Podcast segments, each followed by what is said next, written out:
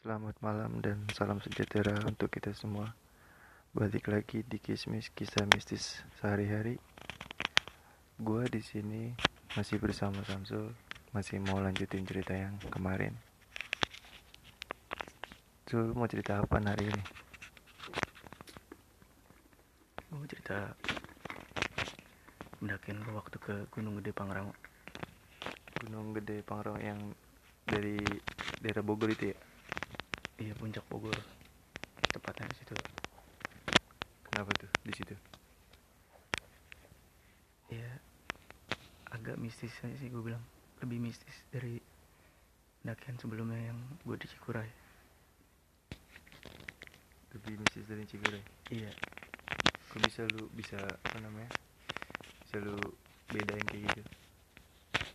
Iya soalnya teman gue lebih banyak interaksinya Interaksi ke? interaksi sama makhluk halusnya teman gue banyak yang ngerasain Oh temen lu, tapi Iya. bukan lu sendiri. nggak gue nggak ngerasain sih paling cuman ya ada lah nanti Iya udah. Boleh lu ceritain nggak? boleh langsung ke ceritanya nih Iya, lanjut aja.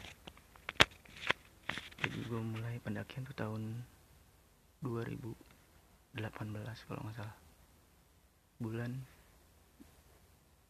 Juni. Di pertengahan Juni. Di tanggal 9 atau 10 gitu. Gue lupa. Itu hari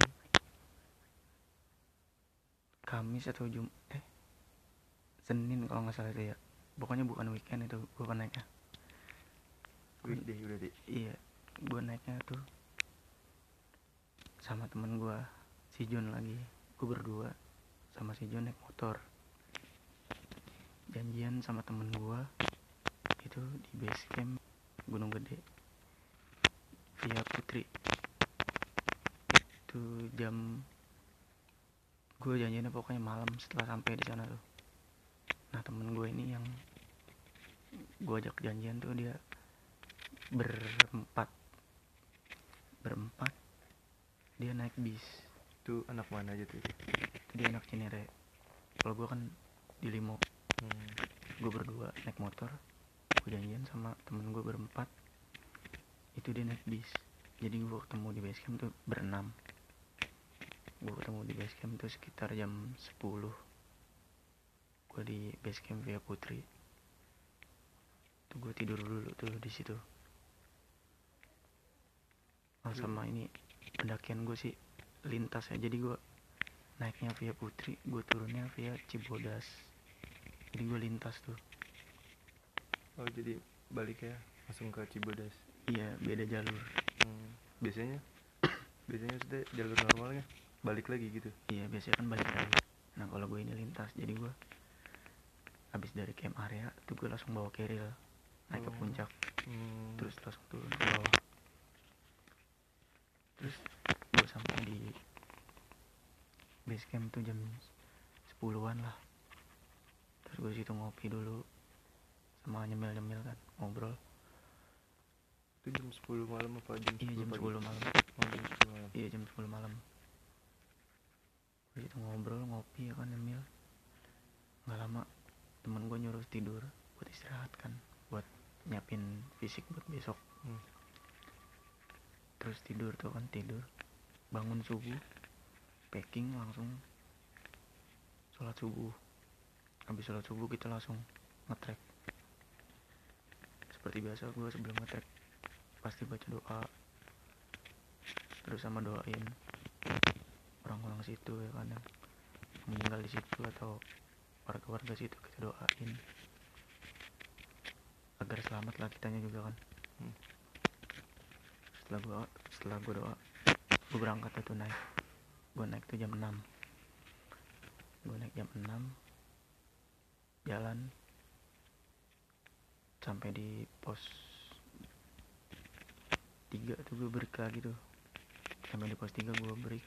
Lu, lu makan waktu berapa jam tuh? gue di pos 3 tuh sampai jam 10 atau jam 11 itu kalau nggak salah. Gue agak lupa. bangsa 6 eh lima jaman ya? Empat iya, jam lima jam ya? Iya gue di situ makan siang istirahat makan siang. Habis makan kita lanjutin lagi tuh perjalanan. Singkat cerita gue sampai di Surya Kencana. Itu camp areanya Gunung Gede. Jadi dia tempat camp areanya tuh luas gitu kan. Hmm. muat lah tuh buat ribuan orang mah di situ. Itu gue sampai di situ jam 3 tiga sore? Iya jadi gue sampai jam 3 sore. Itu jalan dari barat ke timur tuh satu jam. Hmm. dan gue ngecamp tuh di timur. Jadi gue ya dari sampai jam 3 sore Hmm. gue jalan ke timur tuh satu jam. Hmm. gue diriin tenda tuh jam 4 diriin tenda jam 4 gue masak terus makan. Habis itu istirahat dah tuh ya kan? Hmm. gue langsung istirahat. Terus be- besoknya besoknya gue bangun jam 5 jam 5 gue udah dibangunin disuruh makan. Temen gue udah masak di situ. Jadi gue bangun langsung makan di situ. Gue langsung makan sekalian packing juga kan. Hmm. buat jalan lagi ya? Iya buat jalan lagi ke atas. Gue nutup tenda segala macem udah gue rapiin semua sampah. Gue naik lagi. Itu jam 8an naik. Naik tuh gue sekitar 2 jam. Itu sebenarnya ngaret tuh 2 jam. Harusnya tuh sekitar satu jam. Jadi gue naik 2 jam naik jam 8an sampai gue di puncak jam 10an di jam 10an gue foto-foto di atas kan. Foto-foto. Pokoknya seneng-seneng lah di atas kan. Nikmatin juga. Kayak biasa ya? Iya. Udah foto-foto semua kan. Udah nikmatin di puncak. Gue turun. Itu jam 12 gue baru turun. Gue turun kan ke arah Cibodas turun ke arah Cibodas dari sini nih udah mulai kerasa ada, ada ah, janggal ya Iya. Di situ logistik gue udah tinggal mie 4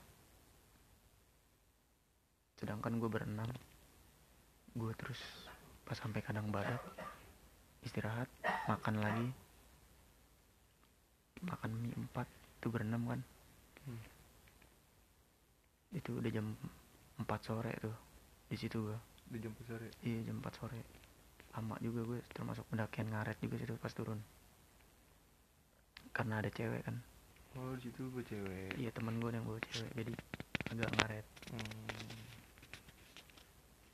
Jam 4 di Kanang Badak. Makan selesai. Jam 5 kurang 15 tuh gue udah jalan lagi tuh dari Kanang Badak. Gue jalan dari Kanang Badak. Terus ketemu Kanang Batu. Gak lama dari situ. Lumayan jauh sih dari Kanang Badak ke Kanang Batu. Itu maghrib tuh gue di situ. Di Kanang Batu. Di Kanang Batu tuh maghrib.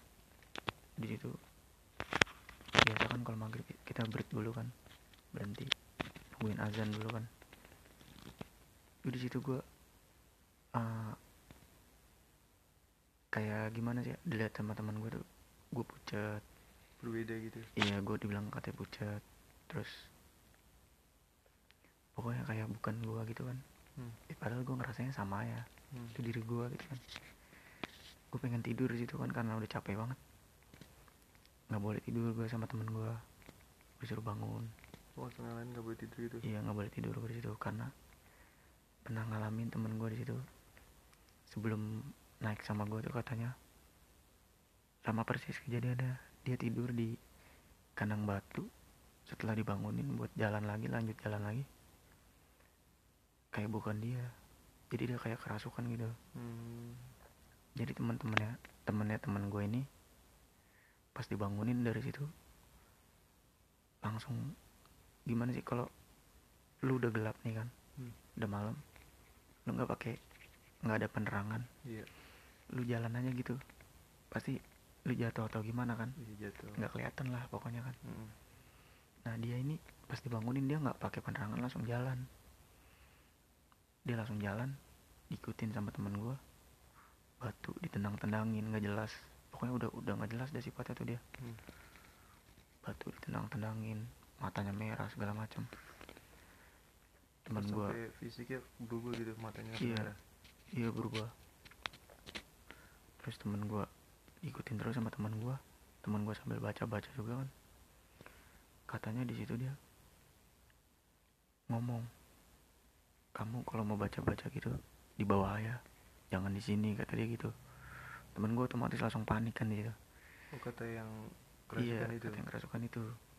Temen gue dari situ katanya langsung ngejar leadernya dia yang paling depan. Hmm. disuruh nanganin si orang ini. Hmm. ditanganin lah dia. Akhirnya dia sadar. Sebelum sadar tuh dia ngomong kayak gini kamu kalau main ke, ke alam pokoknya main ke tempat yang kamu belum tahu gitu. Hmm. doain orang-orang situ doain para pendahulu situ. Saya cuma minta itu kata dia gitu. Oh, sama jangan macem-macem. Oh berarti mungkin eh, dia pas mendaki dia lupa kali. Ya bisa jadi. Dia belum doain apa gimana kan. Hmm. nah lanjut lagi nih ke cerita gua kan. Hmm. gue di situ akhirnya nggak tidur. Setelah selesai azan gue jalan lagi. Dari kanang. Dari kanang batu. Gue jalan tuh ma- berenam. Yang paling belakang nih temen gue yang sama cewek.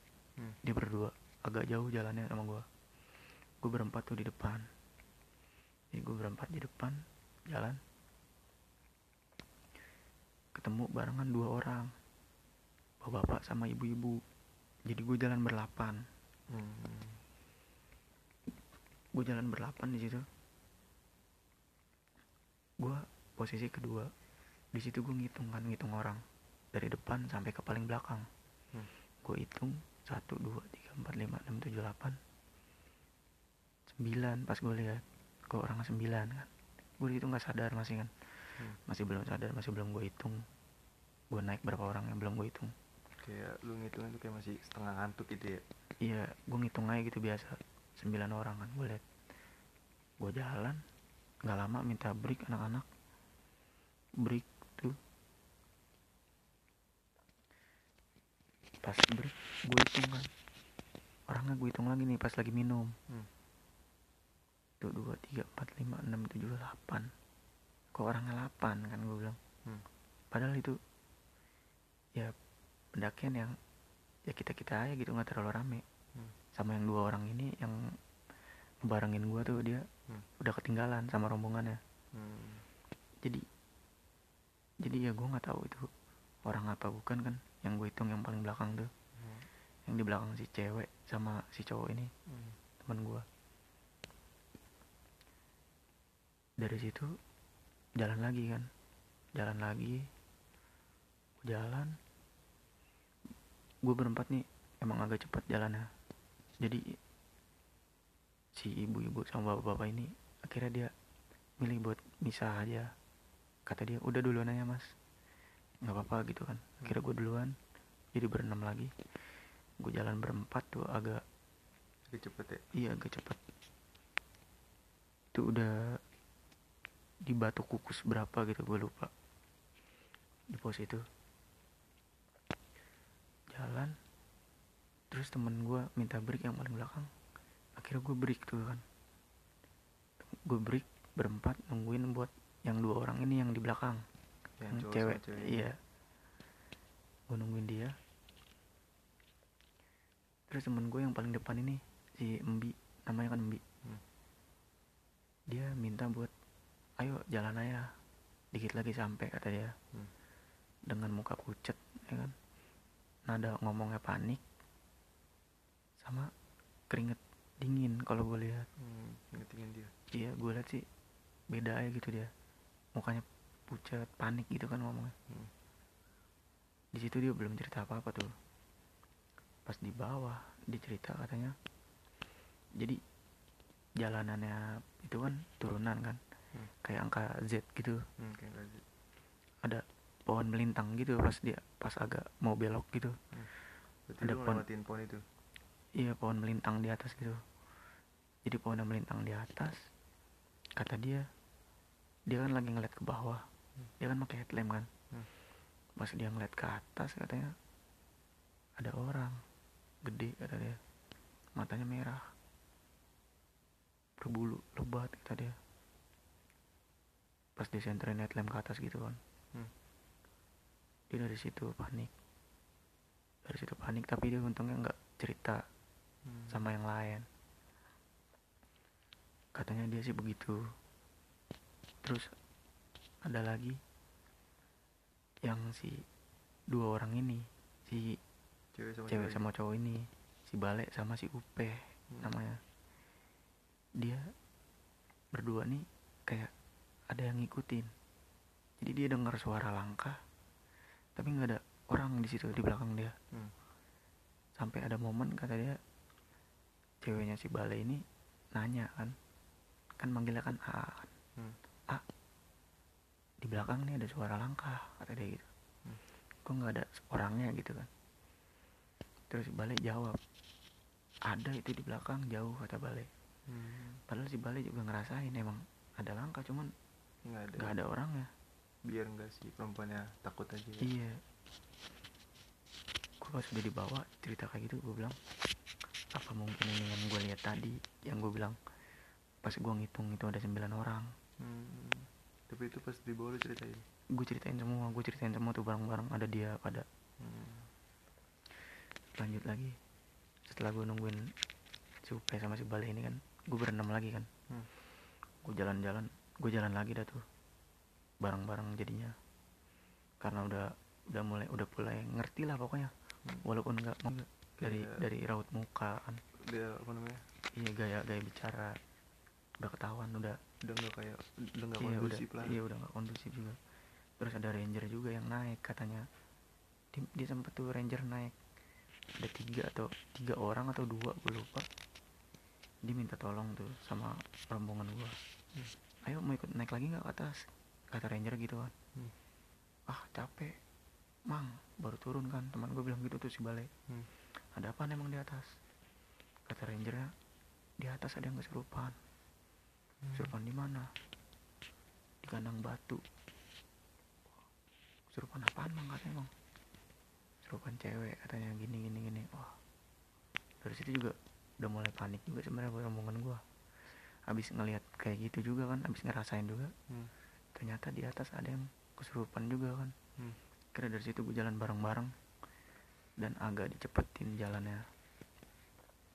Sehingga cerita gue sampai di base camp itu jam 11 gue langsung makan kan dari situ. Habis makan baru tuh gue cerita-cerita semua. Apa yang gue rasain teman gue rasain. Di situ tuh gue cerita semua. Bercerita ketawa-tawa kan udah kayak dilupain lagi gitu Iya, gue langsung minta pamit pulang karena besoknya tuh gue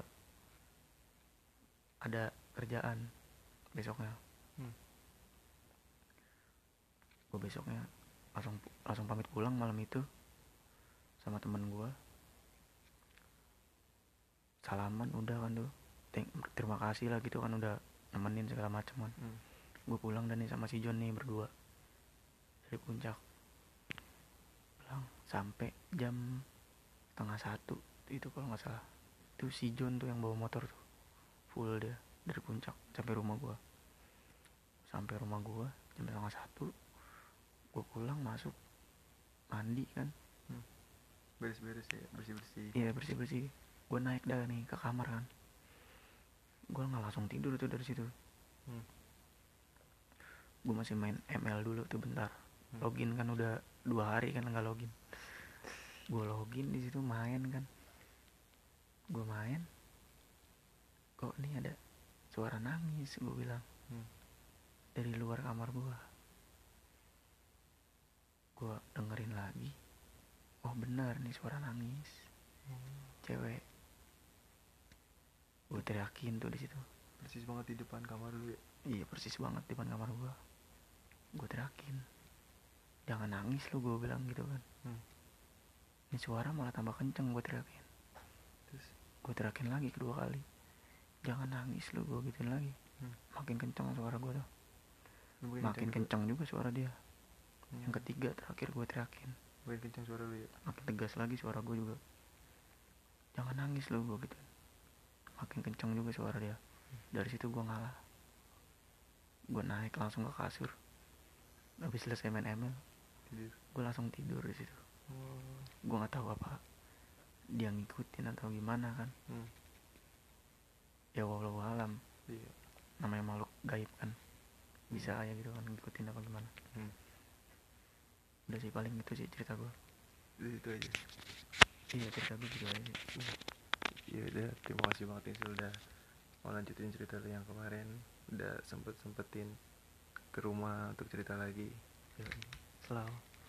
Ya semoga lu sehat selalu di, dijauhin dari kayak gitu gituan Sul. Amin brother Yaudah, te- sekali lagi terima kasih banget nih Sul ya. Ya sama-sama.